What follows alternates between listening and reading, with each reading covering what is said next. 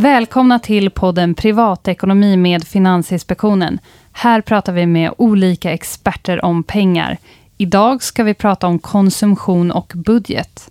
Vart tar egentligen pengarna vägen? Och hur kan man överlista en hjärna som älskar att konsumera? Med mig i studion har jag Helena Olofsson, utredare på Konsumentverket och vardagsekonom Magnus Hjelmer från ICA-banken. Jag heter Sofia Bursell och jobbar på Finansinspektionen. Hej och välkomna Helena och Magnus. Tackar. Tack så mycket. Magnus, eh, vi dyker rätt ner i hjärnan och pratar om begär och lyckorus. Varför får vi en så positiv känsla när vi köper något impulsivt eller något som vi gärna vill ha?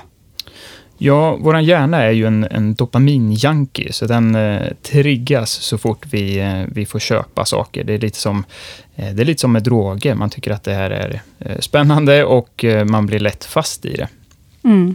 Och eh, vår hjärna är faktiskt inte konstruerad eh, för att leva just nu, utan den är konstruerad för att leva så som vi levde för länge, länge sedan. Det vill säga, vi försökte hitta mat för dagen och kanske döda den där mammuten och se till att få igång elden. Det var det som vi tyckte var bra. Och inte tänka så långt framåt, vilket mycket ekonomi handlar om, att faktiskt planera lite. Ja, spännande. Helena, vad tänker du? Dopamin, lyckorus och pengar. Varför är det så viktigt att vi har koll på vad vi köper egentligen? Jo, men det är jätteviktigt att ha koll på sin ekonomi. Eh, Det är ungefär som eh, att vi vill ha koll på vår hälsa. På samma sätt så vill vi också ha kontroll över vår ekonomi. Och lika väl som man går till, till eh, vårdcentralen kanske för att testa blodtrycket och ta några blodprov, så kan man behöva se över sin ekonomi eh, med jämna mellanrum. Ja, men konsumtion efter ändamål, tänker jag. Vad lägger vi egentligen pengarna på? Vart tar de vägen, Magnus?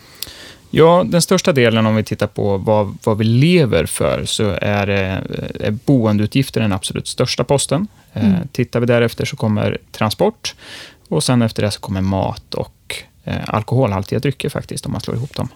Så där börjar vi prata det, det liksom absolut största. Och sen är den fjärde största är nöje och där räknar man in ganska mycket då. Eh, Men den vanliga konsumtionen kan man säga.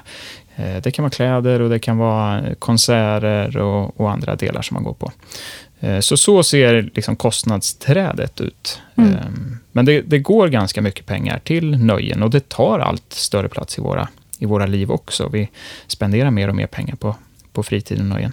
Ja, och Konsumentverket räknar ju faktiskt varje år på vad det kostar med de här olika posterna.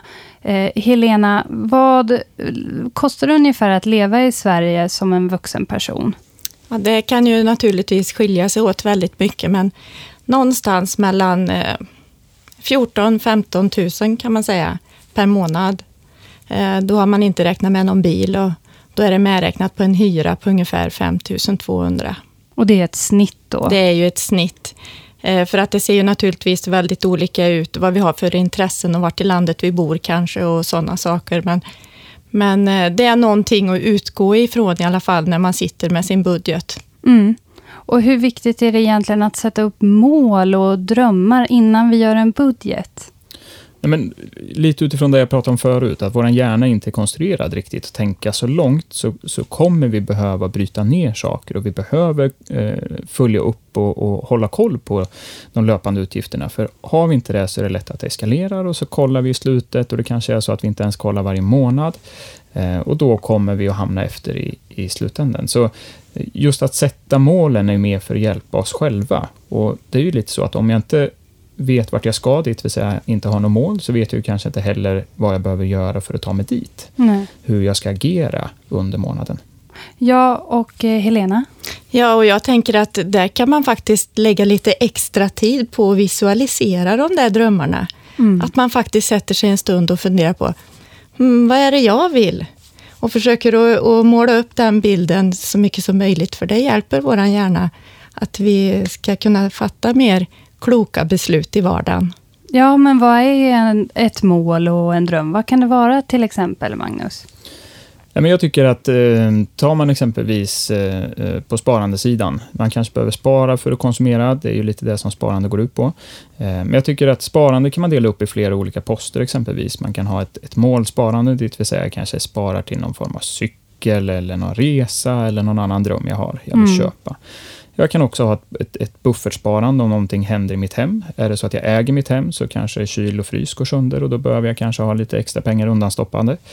Eh, och jag kan ha någon form av pensionssparande. Men bara att dela upp sparandesidan kommer hjälpa mig. Och det är precis som Helena säger, tycker jag att man kan visualisera. Man kan sätta upp en bild på den där cykeln eller man kan börja fundera på hur, hur jag vill bo när jag blir pensionär. Ska jag bo utomlands? Ska jag bo i Sverige? Var vill jag resa mycket? Hur vill min vardag se ut när jag blir pensionär?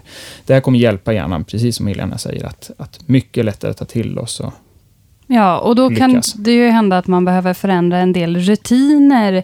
Eh, köpa mindre chips eh, när man handlar eller sluta köpa kaffe när man promenerar på stan. Hur svårt tror du att det är egentligen, Helena, att ändra på en rutin i vardagen? Ja, men jag tror först och främst så ska man ju ha den här budgeten och skaffa sig den här kontrollen. Så man har sett själv att man har en klar bild av vad, vad mycket är det jag måste förändra? Och är jag nöjd med hur, hur fördelningen ser ut av mina pengar? Lägger jag pengarna på det jag vill? Kommer jag fram till att nej, men det är inte så här jag vill ha det, då är det också lättare att motivera sig till att eh, hitta på förändringar för att det ska se bättre ut. Och då mm. tänker jag att eh, ett bra tips där är väl att börja med det som känns enklast för dig. Ja, och när man har kommit på det här vad man ska göra, om det är sluta köpa kaffe på stan och sådär, och nyårslöften kommer jag att tänka på också.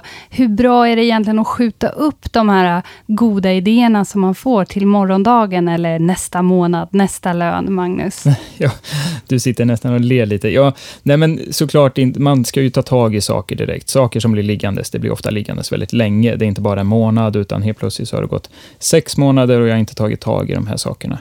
Eh, sen kan det ju vara, vara svårt många gånger att, eh, att liksom komma att, att, att eh, få tummen ur och verkligen göra det här. Men jag tror att det som man bestämmer sig, det kan ofta vara så också att om man pratar med sin omgivning, har man någon att prata med och berätta om sin, sin, eh, sina utmaningar eller sina mål, så blir det också lättare att ta sig dit. Jag brukar tänka så när jag ska springa, springa mina lopp, så brukar jag berätta för så många som möjligt, för det kommer göra att, att det kommer vara svårare att vika ner. Jag, jag vill helst inte gå tillbaka till vännerna och säga att jag inte startade eller inte kom i mål, utan, och det gör ofta att jag kommer igång med träningen. Och det är lite samma sak med ekonomin också. Ja, så vid tolvslaget nästa år ska jag ropa högt vad jag har att uppfylla för drömmar för året som kommer. Helena, du tänkte på något där Och också. känner du dig fortfarande sådär att det är svårt på nyårsdagen att börja? Ja, men ta hjälp. Det finns ju jättemycket hjälp att få. Så tveka inte. Ring din budget och skuldrådgivare till exempel om det är ekonomin som du behöver få lite knuff i ryggen i rätt riktning.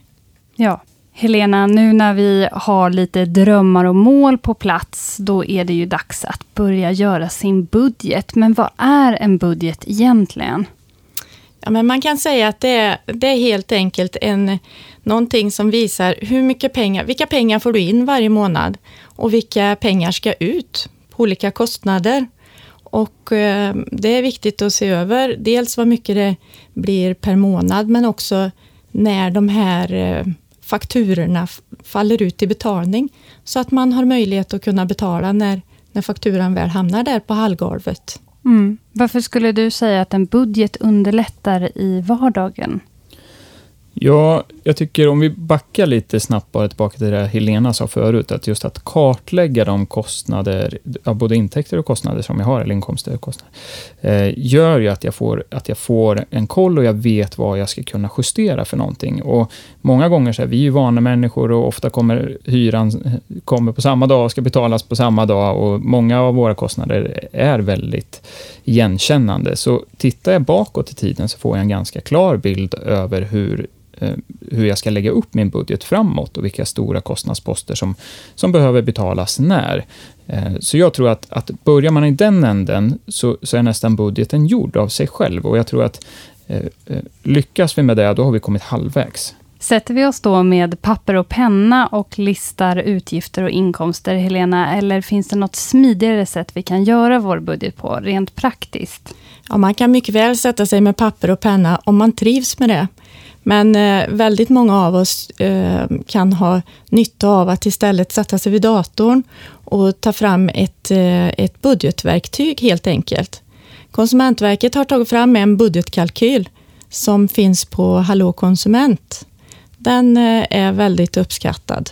Ja, precis. Jag har faktiskt använt den själv, Helena. Den är riktigt bra. Ehm, och vill man, vill man, eh, för ofta tittar vi där, då måste vi ha lite koll på siffrorna när vi ska stoppa in dem. Jag tycker att eh, logga in på din bank om du har en, en nätbank och, och kika på kontoutdragen. De ramlar ut i sånt här Excel-ark där man ganska enkelt kan se och där man kan plocka ut de tre, fyra stora kategorierna kanske som vi pratade om förut och se Eh, och, och, markera med, med, olika färger är ofta lätt i ett dokument. Det är ett arbete som tar, jag vet inte, vad kan det ta? 10 minuter, en kvart kanske, eh, om man är lite snabb. Det beror på hur många transaktioner man har såklart. Men det är ett relativt enkelt arbete för att sen kliva in i, i den här budgetmallen som Helena pratar om. Mm. Ja, och sen är ju budgetkalkylen också rustad med de här rimliga kostnaderna som vi pratade om tidigare i programmet. Eh, som Konsumentverket tar fram varje år, så har man inte riktigt koll på hur mycket pengar lägger jag på kläder egentligen? Ja, men utgå från, från den referenssumman som systemet gör. Då kommer du i alla fall en bit på vägen som kan vara ganska rimlig i alla fall. Sen mm. kan, man ju, kan man ju putsa på dem i efterhand om man känner att, att det är något som har blivit fel eller så. Vad har ni för tips då när man ser den här listan med eh, utgifter och vart pengarna tar vägen? Eh, vad kan man göra för förändringar, både stora och små? Du nämnde boende innan, Magnus. Kan man ändra sin boendekostnad på något sätt? Absolut. Eh, äger man sitt boende, hyr man så är det inte så lätt alla gånger. Eh, för då, har, då är hyran är vad hyran är. Däremot så, så kanske man, om man betalar någon form av el exempelvis, så kan man ju se till att kanske försöka spara in lite, lite pengar där. Men äger man sitt boende så tycker jag att det första man ska göra, det är att se om man kan pruta på räntan, på bolåneräntan. För det är, mm. Eh, det är alltid något som, eh, som jag brukar säga är det första man ska titta på. Eh, bankerna är, är lite rädda för att vi ska för, för, att förlora dig som konsument och det ska man faktiskt använda och prata med bankerna och se till vad man, se vad man kan få för ränta. Det tycker jag man ska börja med. Mm. Och Helena, små och stora utgifter som vi kan kika på att ändra?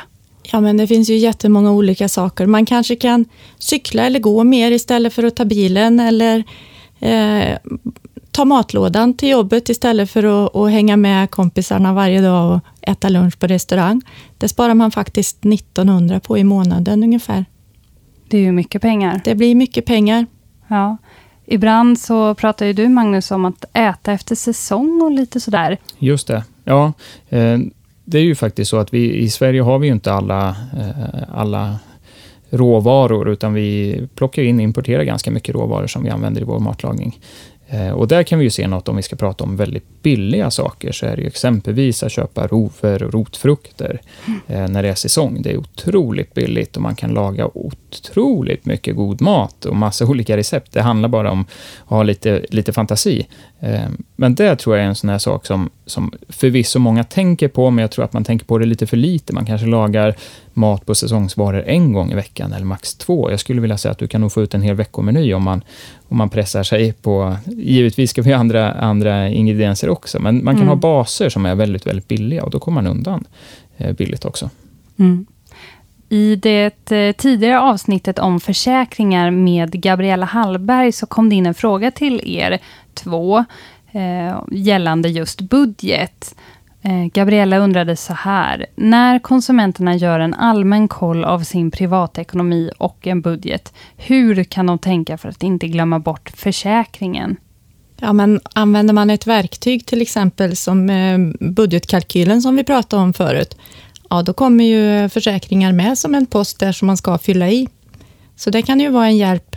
Ja, verkligen. Eh, jag tycker att man kan jämföra eller titta på försäkringarna när försäkringsbrevet kommer hem. Att det blir lite som en väckarklocka. brevet i brevlådan, då är det dags att börja jämföra försäkringar. Eh, för det kommer att göra stor skillnad om man bara ger sig ut och kollar. Jaga lite priser. Bra, tack så mycket. En förutsättning är förstås att vi håller den här budgeten som vi nu har gjort, vilket ibland är lättare sagt än gjort. Magnus, hur kan vi lättare följa budgeten när verkligheten smyger sig på?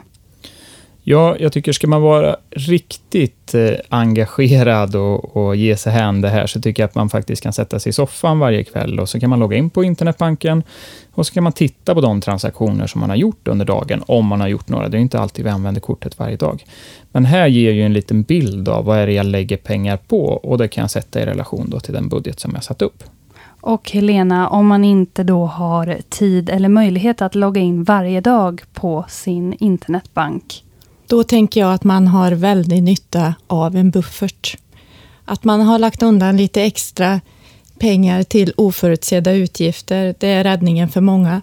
Och jag skulle vilja säga att ju mindre marginaler man har eh, med pengar att röra sig med, desto viktigare är ju en buffert.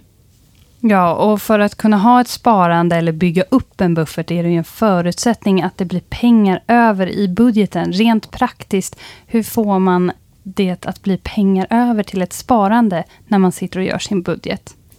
Ja, först och främst så behöver vi ju se till att täcka de fasta kostnader som vi har. Eh, de pengarna ska bara betalas och de ska ut och därefter så, så har vi möjlighet att justera då. Och många gånger så landar ju det här på konsumtionen, det vill säga det som, det som går i dagligdags. Det kan vara kaffen eller det kan vara den där extra tröjan eller vad det nu än jag, jag köper. Så jag tycker att det absolut viktigaste är ju kanske om man ska få pengar över att spara, att man verkligen också håller och gör en tight budget när det kommer till den här övriga konsumtionen. Och eh, Helena, bufferten, vad är det egentligen? Och förutom de exempel du nämnde, när kan vi ha nytta av den? Jag tänker till exempel att du kan plötsligt behöva gå till doktorn och kanske köpa mediciner. Eller eh, det är någon som fyller år och du vill köpa en present och julen kommer och sådär. Det är väldigt skönt att ha en buffert för att då, då eh, tenderar kostnaderna att öka. Ja, jag vill bara flika in där. Jag håller med Helena, för det är verkligen så att vi, vi har vissa stora helger, framför allt, där konsumtionen ökar ganska rejält. Och det kan vara, det kan vara påsk, när det blir mycket mat faktiskt. Mm. Eh, påsk är en mathelg, det kan vara julafton och det kan vara födelsedagar som kommer in. Och det här är ju något som man verkligen behöver tänka på när man, när man börjar att sätta sin budget, att man tar höjd för de här extra kostnaderna som faktiskt kommer. För de kommer att komma och de kommer varje år och det är svårt att ducka för dem. Eh, vi kan hålla ner på dem, men vi måste ändå ta hänsyn och planera efter dem. Ja, vissa månader kan ju bli dyrare än andra. Eller hur, Helena? Absolut. Men, och jag tänker också när man tänker budget att allt är bättre än inget. Så att eh, även om man inte har råd att spara mycket pengar varje månad till den här bufferten, så, så räcker det även med små summor, växer ganska snabbt och blir blir en räddningsplanka helt enkelt när kostnaderna ökar. Hur eh, mycket man har sparat i en buffert måste ju vara beroende på vad man har för livssituation. Den som bor i hyresrätt kanske behöver något mindre i buffert än den som äger en villa. Eh, Helena, hur mycket tycker du är rimligt att ha i en buffert? Ja, kanske en eh, månadslön kan vara en sån, eh, ett riktmärke att sträva efter, kanske ännu mer beroende på hur, hur man har sin situation. Eh, för som sagt var, har man, eh, har man små marginaler, ja då behöver man ju ha en större buffert att ta till. Mm. Har man ganska mycket pengar över varje månad, ja då är inte den där bufferten riktigt lika viktig för att kunna klara av räkningarna när de kommer.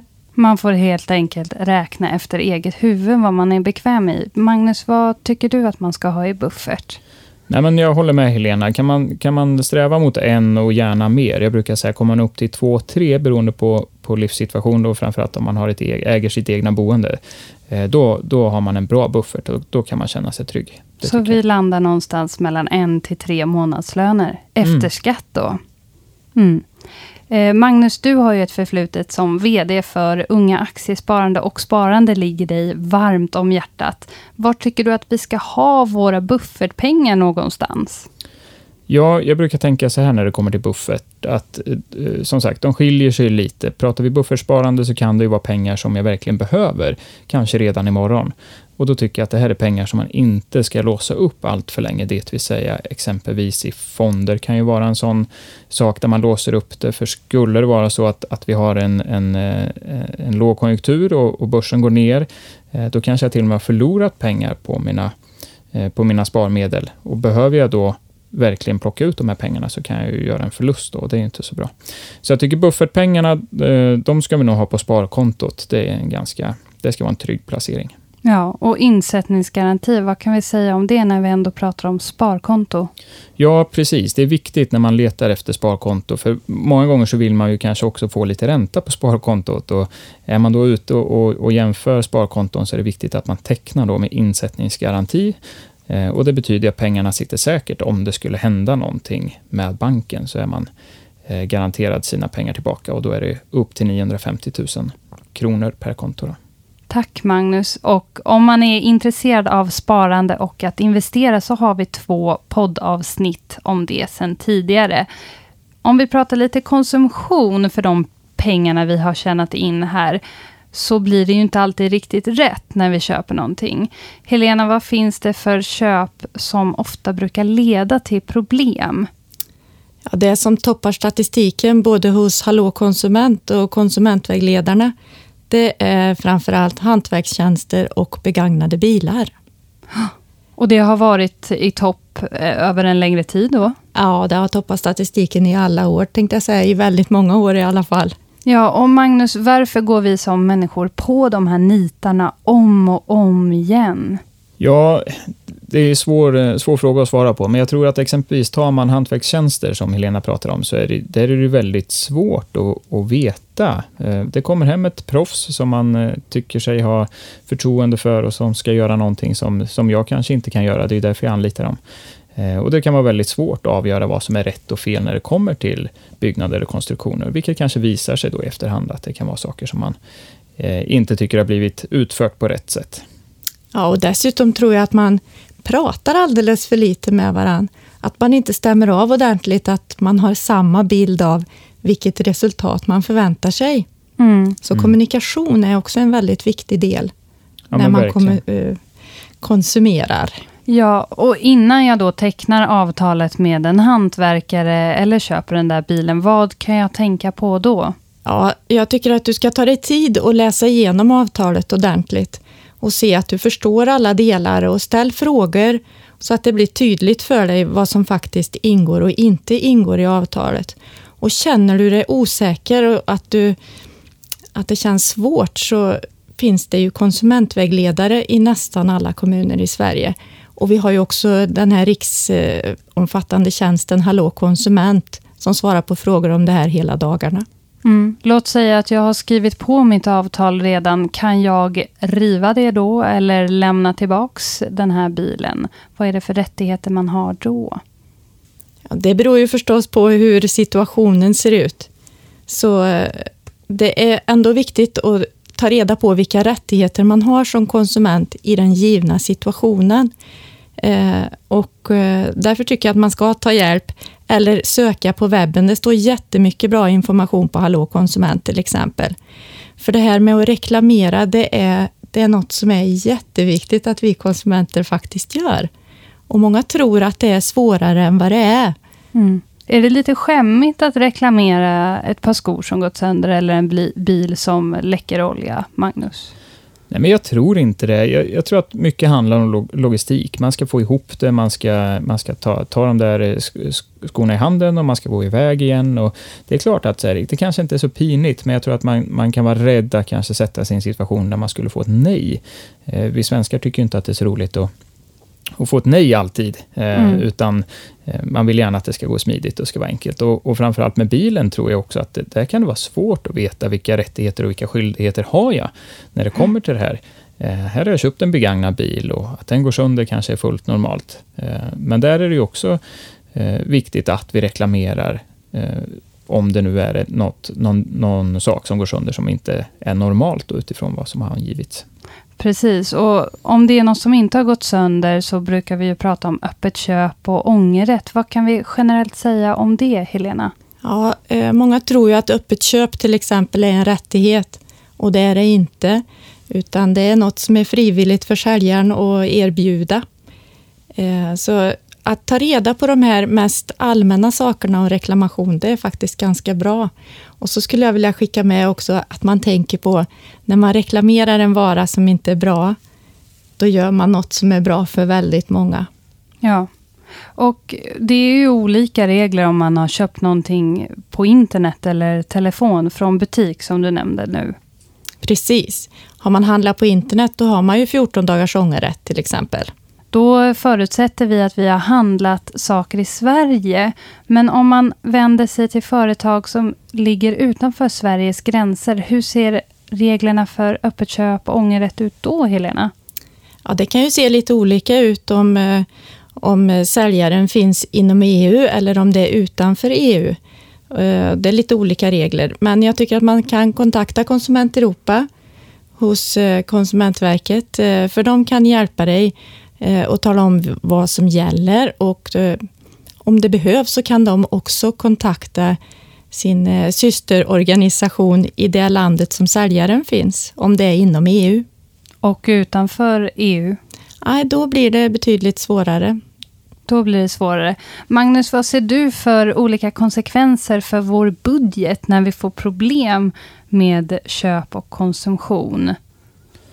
Ja, men framförallt så tror jag att det, det, det kan ju göra att, att äh, säga att jag förväntar mig att jag ska få tillbaka pengar. Äh, det kanske uteblir och det tar en lite längre process. Det kan ju vara saker som till och med ska, ska om man drar det långt, då får hamna hos Allmänna reklamationsnämnden och det ska göras bedömningar. Så det som kan hända med budgeten är ju att vi får lite hack i den och att vi kanske får ligga ute med, eh, med pengar längre än vad vi kanske har tänkt då, eventuellt. Ja, nu har det ju kommit in jättemånga bra tips på gratis oberoende organisationer där man kan få hjälp. Konsument Europa, Hallå konsument, ARN, Allmänna reklamationsnämnden. Har vi någon mer? Jajamän, vi har konsumentvägledarna som finns i 75 procent av alla kommuner. Vi har också konsumentbyråer, fyra stycken faktiskt, som också ger opartiska råd helt kostnadsfritt. Det är ju Bank och Finansbyrån eh, till exempel. Vi har Konsumenternas försäkringsbyrå. Får du problem med, med telekom så finns telekområdgivarna där.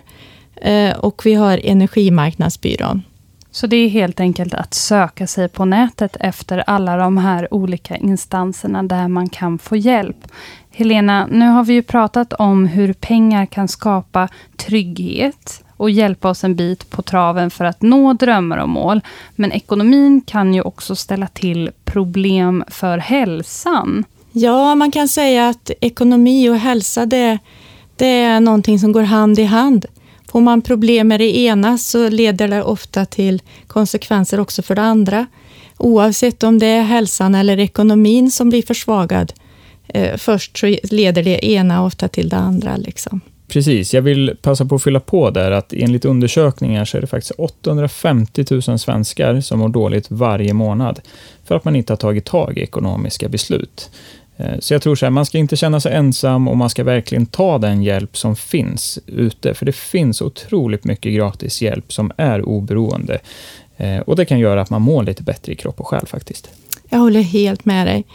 Verkligen, man är inte ensam. Och jag tänker också att eh, Eh, man, man har en eh, ofta väldigt stor benägenhet att man är så sträng mot sig själv. Att eh, man tänker väldigt hårt. Jag tänker, eh, tänk vilka råd skulle du ha gett till din bäste vän i din situation? De råden kan du ge till dig själv. Jättebra. Och Magnus, vad skulle du vilja ge för tips för den som idag har det svårt med ekonomin och att sätta mål känns långt bort? Hur vi med små, små steg kan börja ta tag i ekonomin. Jag tror att, eh, lite som vi pratade om förut, eh, jag tror att tar man sig 10-15 minuter, sätter sig ner och tittar på de utgifter som man har eh, och har haft den senaste tiden, så kommer man att hitta saker som man uppenbarligen märker att det där borde jag kunna dra ner på. Och det tror jag kommer att göra att det, det väcks en, en vilja och en glädje och en glöd att faktiskt ta tag i ekonomin och göra de här förändringarna som gör skillnaden. Med eh, den glöden och viljan så avslutar vi den här säsongen. Men lyssna gärna på tidigare avsnitt om bland annat Skuldfällan och försäkringar.